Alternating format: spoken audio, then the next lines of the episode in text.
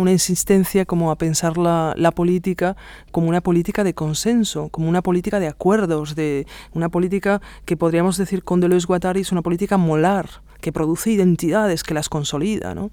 Y yo creo que el proceso político, la riqueza del proceso político es precisamente la contraria. Es que tiene que ser un, la producción del disenso, la producción de la pluralidad.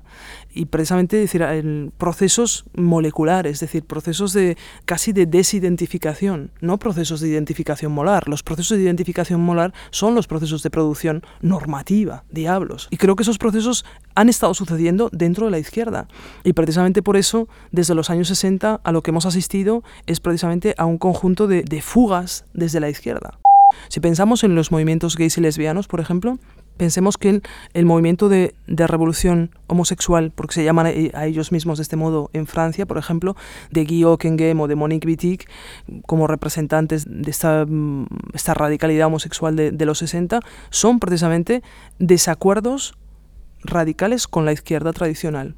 Pensemos, por ejemplo, en cómo la homosexualidad y la utilización de drogas es pensada por la izquierda tradicional como vicios de la burguesía. Bueno, esto yo creo que ya nos dice todo sobre cómo la izquierda no entendió las transformaciones en la producción de la subjetividad que se estaban produciendo en los años 60, puesto que precisamente yo diría toda la, producción de subjetividad tendrá que ver con la gestión de las drogas, eso que yo llamo las técnicas micropostéticas de producción de conciencia, que tienen que ver con la gestión farmacológica y con la gestión mediática y evidentemente la homosexualidad como casi como periferia de los lugares centrales de producción de la vida. ¿no? Por lo tanto, yo creo que desde mi punto de vista la izquierda tradicional es que no ha entendido nada de cómo se estaba estructurando no solamente las luchas, sino la producción de la norma, el control de la vida, la gestión de la vida, y por tanto siguió articulándose en torno a las nociones de trabajo y de, expropiación del trabajo. Pero es que no solamente hay expropiación de la fuerza de producción, sino que está toda la expropiación de la fuerza de reproducción, de la fuerza de, de la fuerza vital, por llamarlo de algún modo, ¿no? A mí lo que me interesa políticamente no es que seamos capaces de tener un único modelo revolucionario y que eso será la condición de posibilidad de la acción, en absoluto. Yo creo que la condición de posibilidad de la acción es precisamente la capacidad de generar alianzas móviles, alianzas moleculares tremendamente lábiles y sintéticas, es decir, que no estén basadas en nos, nos vamos a unir porque somos mujeres, nos vamos a unir porque somos catalanes, nos vamos a unir porque... No, no, nos vamos a unir porque queremos inventar otras formas de subjetivación nuevas. Creo que esa es la clave. Es decir, la clave de un proceso político no es cuál es la identidad desde la que partimos. La clave del proceso político es que el, ese proceso es un proceso de producción de, de subjetividad disidente. Uno de los problemas con el que creo que nos encontramos aquellos que trabajamos en, en las micropolíticas de, de género, de la sexualidad, es que parece que en este momento la crisis económica eclipsa cualquier posibilidad de, de pensar otro tipo de eh, otro tipo de, rebelión o de cuestionamiento ¿no? y de hecho por ejemplo comentábamos con, con algunas compañeras y compañeros el, la dificultad mm, de pensar en los ámbitos como el 15M o, o, en los ámbitos de indignados etcétera de pensar las cuestiones que tienen que ver con inmigración o con, con prostitución y trabajo sexual o con seropositividad cuando efectivamente de nuevo el modelo aparece simplemente como el, el pequeño propietario heterosexual eh, blanco de clase media. ¿no? Es decir, yo creo que ese, es, ese, es el, ese sería uno, uno de los problemas, es que mm, es, es, me da la impresión que es necesario desplazar o, multiplicar eh, los lugares desde los que se está percibiendo la crisis. Creo que también es, es interesante pensar que mmm, al mismo tiempo que se está produciendo esta reorganización de los modos de, de producción eh, capitalista liberales hacia estas, estas formas neoliberales de, de producción de valor, también se está produciendo otro desplazamiento que ya no, no es únicamente económico, que no tiene que ver únicamente con, con la producción o con el capitalismo financiero, aunque ya verás que eh, indirectamente se, se cruzan, ¿no? que tiene que ver con el desplazamiento desde formas eh, biopolíticas disciplinarias de producción de la subjetividad específicamente sexual y racial, eh, que eran las que dominaban en, en, el siglo XIX y hasta mediados del, del siglo XX, y que en parte tenían que ver con el control de la reproducción del cuerpo nacional y con la purificación racial de ese cuerpo, por tanto, que estaban también articuladas con la gestión de la colonialidad y que produjeron una serie de, ficciones políticas bien precisas. Es decir, de, ese modo de gestión va a surgir la ficción del, sujeto heterosexual como el sujeto eh, normal que, eh, que, puede representar el, el cuerpo nacional y frente a ese sujeto van a aparecer todo un conjunto de, sujetos cautivos o que precisamente no tienen acceso a las técnicas de gobierno, que van a ser la subjetividad homosexual, pero también la subjetividad discapacitada, eh, la enfermedad mental, etc. Y esas eran un poco las, las, eh, las segmentaciones que tenían que ver y las producciones de subjetividad que tenían que ver con ese régimen que con Foucault podríamos decir que es, eh, mm, se, caracteriza eh, precisamente como, como, una gestión y maximización de la vida de la población, es decir, una gestión biopolítica y además de modo disciplinario. Y por tanto, mm, articulado también a ese conjunto de, con ese conjunto de, instituciones que veíamos antes de el museo, el colegio, la fábrica, etc. Frente a ese modelo aparece en los años, eh, en los años 50 de la Segunda Guerra Mundial otro régimen de producción del cuerpo, de producción de la subjetividad, de producción del género, de la raza, de la sexualidad, que ya no es eh, de biopolítica disciplinaria, sino que es un régimen que yo denomino fármaco-pornográfico. Entre otras cosas, eh, tiene que ver con, eh, ese desplazamiento tiene que ver con la gestión y la producción de la subjetividad a través de un conjunto de dispositivos que ya no son instituciones exteriores, grandes instituciones como el museo o como el espacio doméstico o como, como el hospital, sino a través de, un conjunto de, microprótesis, en muchos, en muchos casos eh, de carácter químico, de carácter farmacológico, pero también de carácter mediático, eh, que eh, vienen a, implantarse dentro del cuerpo, que tienen lugar y que, se insertan en, la corporalidad y que por tanto ya no pueden ser identificadas como eh, técnicas de gobierno exteriores, sino que acaban tomando forma del, cuerpo y de la subjetividad. Es decir, que por tanto casi son indiferenciables con, con el cuerpo y con la subjetividad al mismo tiempo que aparecen esas nuevas técnicas de, gobierno y de, producción y de gestión del cuerpo, van a aparecer también nuevas figuras políticas, nuevas figuras de la subjetivación que ya no están segmentadas a través de, la diferencia, por ejemplo, heterosexualidad-homosexualidad. Lo que vamos a ver a partir de los años 50 es, por una parte, la invención de la noción de género, la gestión farmacológica y quirúrgica de la diferencia sexual, a través, por ejemplo, de, eh, de, la gestión de los cuerpos así llamados intersexuales a través de un conjunto de operaciones y, de administración concretamente de, hormonas, es decir, de un conjunto de terapias endocrinológicas, y, que van a hacer que, aparezca, por ejemplo, esa nueva figura del cuerpo de la subjetividad, que es el cuerpo intersexual, y frente a ese cuerpo intersexual, un cuerpo aparentemente normal, que ese sí puede ser considerado como reproductor potencial del cuerpo nacional. Al mismo tiempo que aparece la noción la noción de género, aparecen también nuevas técnicas de gestión de la, reproducción sexual que nada tienen que ver con las técnicas disciplinarias tradicionales del siglo XIX, como por ejemplo la píldora anticonceptiva, bueno, pero también las nuevas técnicas de reproducción asistida. Con lo cual yo creo que frente a las formas de captura y de expropiación específicamente neoliberales con las que nos estamos enfrentando y que sí son mucho más visibles, evidentemente, y que están eh, de alguna manera decir, más presentes en, en, la actualidad mediática cotidiana, se están poniendo en marcha nuevas formas de, captura y de producción de la vida, del cuerpo, de la subjetividad sexual y racial, que tienen que ver precisamente con el ámbito mm, de la gestión biotecnológica y farmacopornográfica, podríamos decir. Y, me da la impresión que un nuevo conjunto de, luchas y de, de estrategias activistas tienen también que, que ordenarse con respecto a esas nuevas formas de, producción y de captura de la, de la vida. ¿no?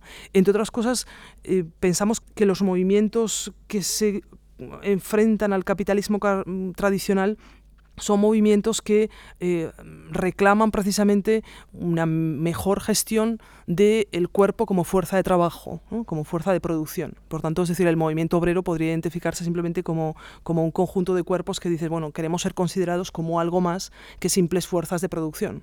O queremos hacer, eh, demandar un, un, mejor uso y una mejor rentabilidad de nuestra fuerza de, de producción. Pero eh, creo que hemos olvidado que el, capitalismo tiene también otro ámbito que no es solamente el de producción, sino que es también el de, reproducción y gestión de la vida ese es el capitalismo que yo llamo específicamente eh, biopolítico en, en, el siglo XIX y hoy farmacopornográfico. Y ahí nos enfrentamos con, creo, otros movimientos, o al menos otros movimientos serían necesarios que ya no dicen simplemente no somos solo fuerza de producción, sino que los, los nuevos movimientos lo que creo están diciendo y la, la, la demanda que están articulando es decir, no somos simplemente fuerza de reproducción. Y creo que una de las cuestiones eh, más, más centrales y ardientes que, que se están barajando en el contexto contemporáneo y que a veces no son audibles en términos de, crisis, ¿no? como, como lo son las caídas de los bancos y, eh, los créditos, las expropiaciones, etc., es precisamente quién va a gestionar y cómo vamos a gestionar nuestras células reproductivas. Es decir, lo, que, lo que está ocurriendo al mismo tiempo precisamente en el que, en el que la, economía eh, está, mm, digamos, desplegándose con, con, este espectro financiero eh, tremendamente maquínico, por otra parte, estamos asistiendo también a un, a un proceso eh, de capitalización de las células vivas. Y, creo que esa, batalla, es decir, no podemos olvidarnos de esa batalla, porque creo que si nos olvidamos de esa batalla, eh, dentro de poco, bueno, pues eh, de acuerdo, incluso podríamos salvar las instituciones tal como las, como las habíamos conocido, es decir, podemos seguir alimentando el museo con fondos privados, bien, de acuerdo, ¿no? Pero el problema es que eh, de, manera precisa y estricta, ya no tendremos acceso a las células vivas. Con respecto al, a la gestión de las células reproductivas y del, y del cuerpo, del cuerpo vivo, de, la de eso que yo llamo la, la, invención de ficciones somáticas vivas, ¿no? que, que, somos, porque somos ficciones políticas, pero que tenemos una cualidad muy particular y es que frente a otras ficciones políticas, pues nosotros bueno, pues tenemos la cualidad de lo vivo. ¿no? Y claro, eso se gobierna de manera más difícil. ¿no? Por eso las, eh, las técnicas de gobierno tienen tanto que ver con, con precisamente bueno, pues matarnos de hambre o desesperarnos, ¿no? precisamente porque somos ficciones políticas vivas y algo tendremos que hacer con, con esto. ¿no? Pero mm, tendríamos de nuevo como dos, dos opciones. Una que sería de nuevo una vuelta a los imaginarios liberales, es decir, de nuevo el mismo retorno que con respecto a las instituciones, es decir, una vuelta melancónica de recuperación del cuerpo como propiedad privada. Esa sería una, una de, las, de las opciones. Me parece que esa batalla está absolutamente perdida y que no es la que proponen hoy los movimientos eh, ni intersexuales, ni transgénero, ni transexuales, ni de, de lucha animal sino que se trata de, de nuevo, de cómo vamos a colectivizar nuestras células reproductivas, cómo vamos a, colectivizar nuestra ficción política viva, ¿no? cómo queremos eh, colectivizarla y cómo de nuevo vamos a inventar nuevas técnicas colectivas para gestionar no solamente la producción de valor, de beneficio, de capital, sino para gestionar la producción de la vida. Y claro, no, me parece que no es casual que al mismo tiempo que están teniendo lugar las, grandes sacudidas neoliberales y que evidentemente eh, suponen hacer una guerra directa a la población, también está habiendo otro conjunto de sacudidas que me da la impresión pasan totalmente desapercibidas ¿no? y que tienen que ver, por ejemplo, con el enorme poder corporativo que tienen ahora mismo, por ejemplo, las, las clínicas de reproducción. Pensemos en una ciudad como Barcelona, que prácticamente eh, es hoy uno de los centros de turismo reproductivo mundial, es decir, que prácticamente todos los procesos de, de reproducción europea están teniendo lugar o bien en Bélgica o en Barcelona o en, en los países escandinavos. Y por tanto, podríamos dibujar también otra cartografía de centros de poder que ya no tiene que ver únicamente con el movimiento de la finanza, sino con el movimiento de las células vivas. ¿no? Y creo que, la, que una de las cuestiones que me parecen ardientes y que deberá estructurar las próximas revoluciones a las que vamos a asistir es qué vamos a hacer con con la sangre, qué vamos a hacer con el semen, qué vamos a hacer con los ovarios, cómo vamos a gestionar los úteros. Y no digo, no digo la, la sangre propia, es decir, no, no digo que mi sangre de medio va a pertenecer a mí, sino que cómo vamos a, gestionar colectivamente la producción y la, reproducción de, esos fluidos que además, como sabemos, no son naturales, sino que son producto también de una gestión económica eh, globalizada. ¿no? Si al movimiento de finanzas que bueno, podría dibujar una especie de, gigantesca nube de, capitales que se va moviendo para acá y para allá, creo que habría que, superponerle o, ponerle en paralelo otra, otra nube ya mucho más compleja y, dificultosa para cruzar las fronteras en algunos casos que trazaría flujos de leche, flujos de sangre, eh, flujos de semen, flujos de, de óvulos, etc. ¿no? Y creo que ahí están otro, otro conjunto de, de, luchas que se están articulando hoy que me da la impresión no se pueden eh, resolver únicamente en términos de clase o en términos de acceso a la riqueza o en términos únicamente, por ejemplo, en, igualdad frente a la ley, etc. tenemos que pensar que el, hablo simplemente en términos estrictamente somatopolíticos, es decir, de producción del cuerpo, ahora mismo la leche, la sangre, el semen ya no son fluidos naturales, son fluidos biotecnológicos. Hablamos mm, hoy de una vuelta, por ejemplo, al amamantamiento natural, supuestamente natural, pero eh, todo el mundo sabe que hoy el compuesto de leche materna más habitual es en polvo. Bueno, es decir, es de nuevo, necesitamos abrir las píldoras, ¿no? saber cuáles son las técnicas, primero conocer las técnicas a través de las que estamos gestionando y produciendo la vida. Este es, me parece que es como la primera lección que, que, nos enseñan los activistas de, desde las luchas del SIDA.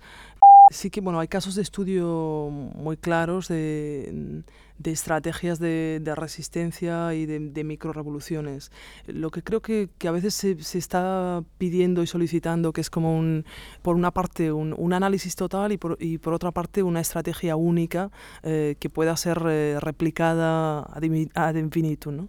Ya sabe lo que decía, lo que decía Deleuze, que si supiéramos cómo hacer la revolución ya la estaríamos haciendo, ¿no? Con lo cual, pero el problema es que eh, por definición, no es posible eh, repetir de manera aritmética o reproducir eh, las estrategias revolucionarias. Por eso simplemente no se puede hacer. Es decir, a veces yo hablo con, yo vivo en Francia y hablo con, con gente de, de, París y tal que me dice, bueno, qué suerte tenéis con el movimiento de indignados allá, a ver si podemos hacer los indignados aquí. Yo pienso, pero, pero oye, ¿nos dais cuenta que vuestra situación no es exactamente la misma que, que la nuestra? Con lo cual, ¿cómo vas a hacer un movimiento de, de indignados si no tienes expulsiones? Es decir, bueno, es decir, creo que, que, a veces como esta especie de, nuevo, de cuál es nuestro imaginario de la revolución, creo que es una, una cuestión clave, que es, que es multiplicar ese imaginario, primero empezar por conocer nuestra propia historia de resistencia micropolítica, y darnos cuenta que es una historia eh, tremendamente, tremendamente rica, variada y que no propone un solo modelo de intervención. Yo lo que sí que podría decir es que hay una multiplicidad en el ámbito de las, de las políticas de género, la sexualidad, eh, que hay hoy una multiplicidad de, de movimientos que tienen la, la voluntad de, de, generar lo que, lo que podríamos llamar hoy una internacional queer, es decir, que hay como se, se habló de la, de la internacional, eh, de la internacional obrera, eh, hay hoy, me da la impresión, un, una internacional queer, o al menos eh, yo creo que, que, que estamos, eh, estamos en, en, la, en, la, construcción de esa, de esa internacional y de hecho lo veo hoy mucho más claro de lo que lo veía hace, hace 10 años, en la que parecíamos que éramos como tres o cuatro locos que estábamos por ahí ¿no? como mm, medio enajenados y tal, y que ahora de repente, es decir, esos procesos también de, de crítica y de conceptualización se acompañan de un movimiento social. ¿no? Ese sería como dos, dos primeros eh, ejemplos de, de, de, de, estas luchas eh, antifarmacopornográficas y otros ejemplos tendrían que ver con como una serie de movimientos que han sido muy activos en los, años, en los últimos años eh, de despatologización, movimientos de despatologización, porque lo que, lo que ha ocurrido con, con la producción de la subjetividad sexual en, los últimos años es que ya no se gestiona de forma eh, únicamente de forma eh, punitiva, de forma disciplinaria o únicamente normativa, sino que se gestiona también a través de lo que podríamos llamar las industrias de la discapacidad las industrias de la discapacidad. Es decir, que la gestión del bienestar supone también la aparición de todo un conjunto de, industrias que tienen que ver con la gestión de la transexualidad, la gestión de, evidentemente, de la reproducción con la reproducción asistida, pero también la gestión, por ejemplo, de la diversidad funcional, de la diversidad eh, corporal, es decir, los colegios especiales para autismos, eh, para autistas, la gestión de, de, los, de los niños con el síndrome de déficit de atención, gestión farmacopornográfica por excelencia, etc. ¿no?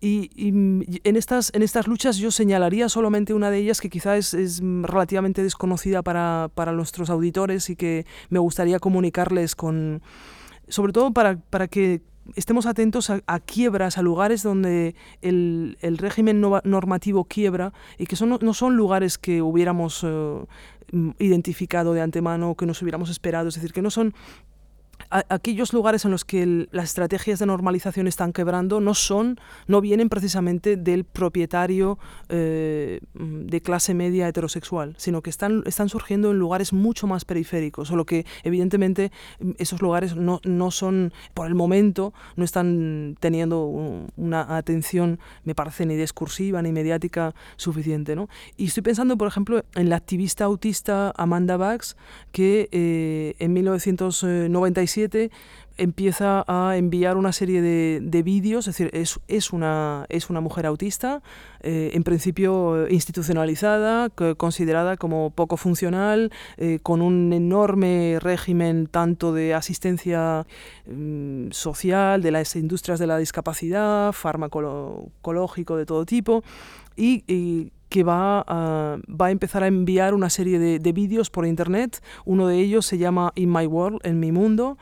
Eh, y, y, lo que es más interesante además es que es una persona que no, no, puede hablar, por tanto está, produce su subjetividad en agenciamiento maquínico con las tecnologías, ¿no? es decir, habla con, con una máquina y se va a filmar a sí misma explicando simplemente que, mm, bueno, pues que, que es, es, una persona que tiene una configuración perceptiva y cognitiva que no es exactamente, que no coincide con la aparentemente normal, pero que por tanto ella demanda también tener acceso a eso que yo llamo las técnicas de gobierno y que demanda por tanto que eh, su producción de subjetividad no sea intervenida ni por técnicas farmacéuticas, ni por técnicas hospitalarias, ni por las industrias de la discapacidad. ¿no? Y este es un movimiento que además mm, creo que nos, nos hace pensar en otra forma de revolución, es decir, nos cambia el imaginario de la revolución, porque siempre que pensamos en revolución estamos pensando en ese, en ese imaginario Mm, asambleario, asambleario, ¿no? Como además un, imaginario que tiene que ver mucho con, con, las estructuras conversacionales, dialógicas, es decir, es muy habermasiano, es decir, es muy de pongámonos todos de acuerdo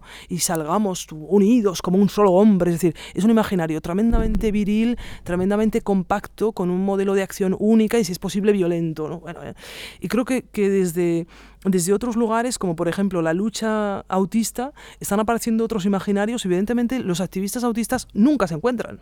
¿Por qué? Pues porque evidentemente no, no tienen formas de comunicación y de producción de conocimiento dialógicas, es decir, no conversan entre ellos. ¿Y, y, qué? No pasa nada. Están en agenciamiento maquínico con las tecnologías y desde ahí están produciendo formas de resistencia y formas de subjetividad. ¿no? Y bueno, esa es una forma de acción. Lo mismo ocurre si pensamos en la revolución animal. ¿Cómo vamos a hacer la revolución animal? Bueno, es decir, habrá que, cambiar el, imaginario de la revolución. Evidentemente, no vamos a hacer una asamblea eh, dialógica habermasiana en la que pongamos a discutir los simios, los perros y, las vacas y los, eh, los ratones de laboratorio pero es posible que tengamos que modificar nuestros imaginarios de la revolución si queremos resistir a la captura de los procesos de producción de la vida que se están produciendo. ¿no? Entonces, bueno, yo daría como esos, dos ejemplos desde, desde las luchas del SIDA y desde los movimientos autistas, que a lo mejor además son tan, tan distantes en principio aparentemente el uno del otro y que además no, no son específicamente sexuales únicamente y que, no, y que no son además políticas de identidad, porque eh, eh, de hecho, por ejemplo, una de las cosas que define a, Amanda Bax es que el resto de los autistas dicen que no, no están de acuerdo con ella, por ejemplo, ¿no? que, que no se sienten autistas como ella. Bueno, dice, ¿y qué? No pasa nada, eso, eso no nos, que, eso no nos impida generar estrategias de, resistencia años 60, si pensamos específicamente las revoluciones feministas o gays y lesbianas, tenían que ver con sexo, drogas y rock and roll, por ejemplo. ¿no? Evidentemente que ahora ya sabemos que bueno, las, el, rock and roll ya quedó, la cosa quedó bastante atrás, pero me da la impresión que... Mm, que es, un, es una revolución que tenía que ver precisamente con, con inventar nuevos dispositivos de, producción de subjetividad, eh, precisamente que en ese momento no estaban totalmente reapropiados por la producción capitalista. ¿no? Bueno, pues es, eso creo que es el reto en parte de lo que podría suceder ahora y que por eso precisamente el museo podría ser uno de los lugares de articulación de esos nuevos dispositivos. No, no porque este museo deba recuperar ni la financiación ni el estatus que pudo tener o que debería haber tenido como institución disciplinaria de la producción de la narrativa, del arte nacional. Ese, ese museo para mí es que no tiene ningún sentido ni lo, ni lo tendrá nunca. ¿no? Si el museo tiene un sentido precisamente es como como, laboratorio en el que se pueden poner a prueba otros dispositivos colectivos de, invención de subjetividad que puedan tener que ver con, bueno, eso que yo llamo las, revoluciones no, no, violentas o revoluciones que, que, que, no tienen la guerra como, como técnica o como modo de acción. ¿no?